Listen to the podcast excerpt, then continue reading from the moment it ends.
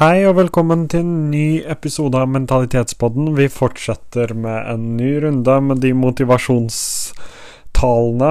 Heter det motivasjonstaler? Jeg tror det heter det. Eh, I hvert fall, de ser ut til å gjøre det veldig bra. Folk liker det, så da setter vi i gang med en til. Hvis det høres interessant ut, hvis du trenger litt motivasjon i hverdagen, litt ekstra for å komme deg gjennom skolen, eller hva det nå enn skulle være, så hopper vi bare rett inn i det.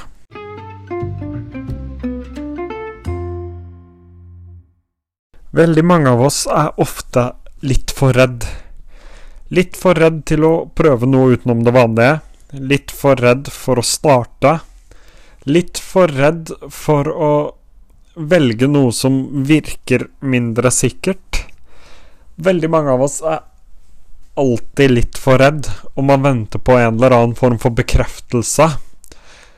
Eller at noen skal fortelle deg at du skal gjøre det, bare så du kan begynne. Veldig mange av oss er enkelt og greit for redd. Det gjør det veldig mye lettere for de av oss som ikke er det. For de av oss som prøver noe litt utenom det vanlige, for de av oss som våger uansett hva andre sier, og hva du hører om deg selv bak ryggen din. De gjør det utrolig mye lettere, og faktum er at ingen har klart det uten å begynne. Hvis du er redd for å ikke få det til, så kan du være 100% sikker på at du ikke får det til hvis du aldri prøver. Det sier jo nesten seg selv. Hvis du aldri våger å prøve, så kommer du heller aldri til å få det til. Og så enkelt er det. Det er ikke rakettforskning. Det er enkel logikk. At hvis du aldri våger å prøve, da får du det i hvert fall aldri til heller. Alle er nødt til å begynne et sted. Alle begynner på null. Alle begynner med ingenting. Og så er det opp til deg selv hva du gjør med det. Hvilken kort du spiller ut. Når vi blir født, så er vi alle like gode. Så handler det om hvordan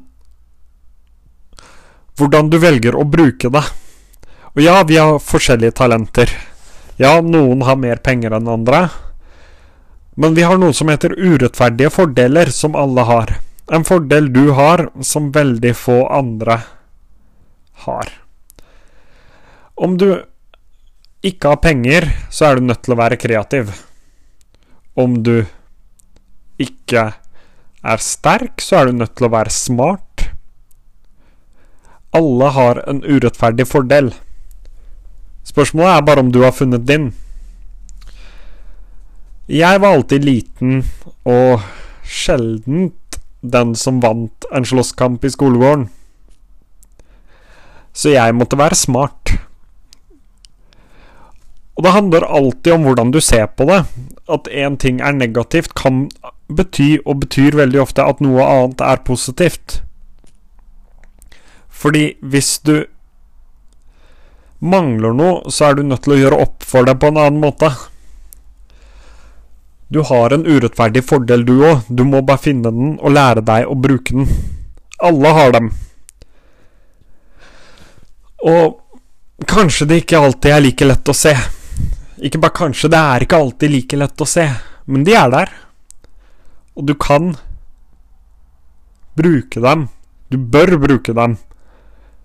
Fordi det å sitte hjemme og være redd og vente på at ting skal bli perfekt, og lese seg opp i stedet for å prøve, det er ingen erfaring i verden som er bedre enn det å faktisk prøve.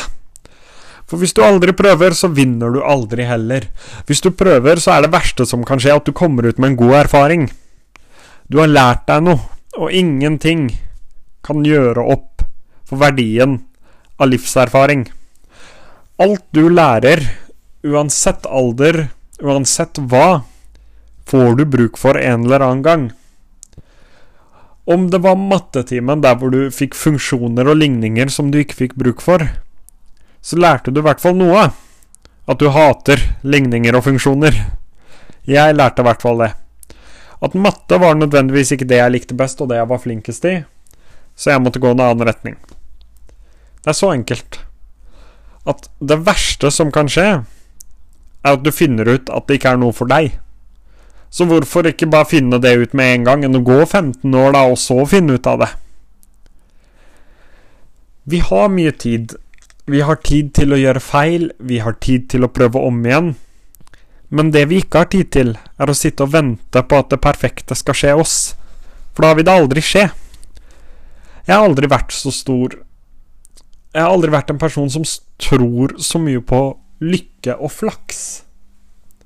Jeg har tenkt at du lager din egen lykke og flaks. Ikke nødvendigvis at det ikke eksisterer, men at du er jo nødt til å gjøre noe før du får litt flaks. Du kan ikke bare sitte hjemme og svaret vil falle ned fra himmelen. Det er litt sånn som trening. altså Vil du trene deg til en fin kropp, ja, da må du komme deg ut og trene. Vil du trene for å bli sterkere, ja, da må du komme deg ut og trene. Vil du trene for helsen sin skyld, ja, da må du faktisk komme deg ut og trene. Det gjelder alt annet òg. Vil du bli god i å filme, så er du nødt til å lage mye film, filme mye. Vil du bli god til å snakke foran folk, ja, da er du nødt til å snakke foran folk ganske ofte. Vil du bli flink til å skrive, ja, da er du nødt til å sette deg ned og begynne å skrive.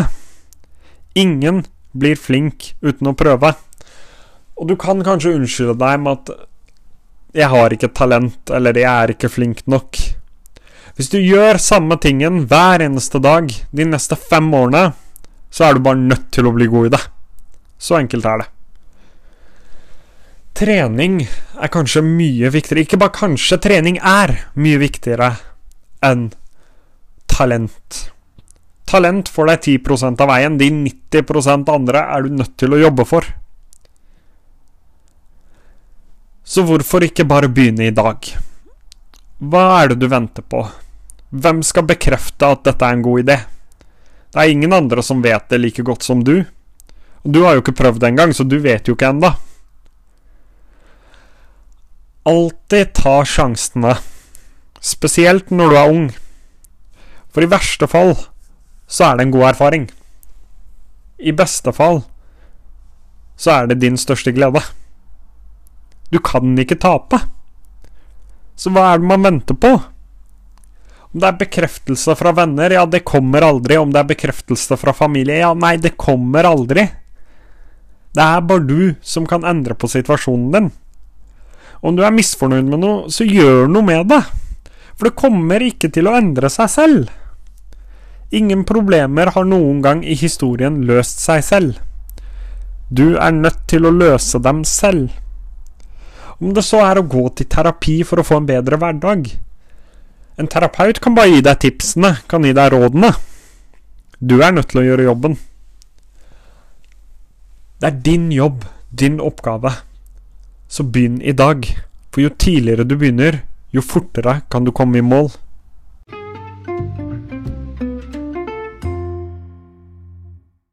Tusen takk for at du hørte på dagens episode av Mentalitetspodden. Som vanlig så er det bare å sende meg en melding på Instagram. Der er det Mentalitetspodden. Eller på Snapchat. Det er Askarian Nei, det er det ikke. Det er Daniel Por ASG. D-A-N-I-E-L. P-O-U-R ASG. Daniel Por ASG på Snapchat, da, altså. Så er det bare å ta kontakt med spørsmål, temaer du vil jeg skal snakke om, uh, eventuelt om du trenger råd, så kan jeg prøve å gi mine beste råd, og hvis ikke det funker, så vet jeg alltid hvem jeg skal spørre etter råd. Tusen takk for at du hørte på, gjerne abonner på podkasten, del den med vennene dine, og så høres vi nok snart igjen.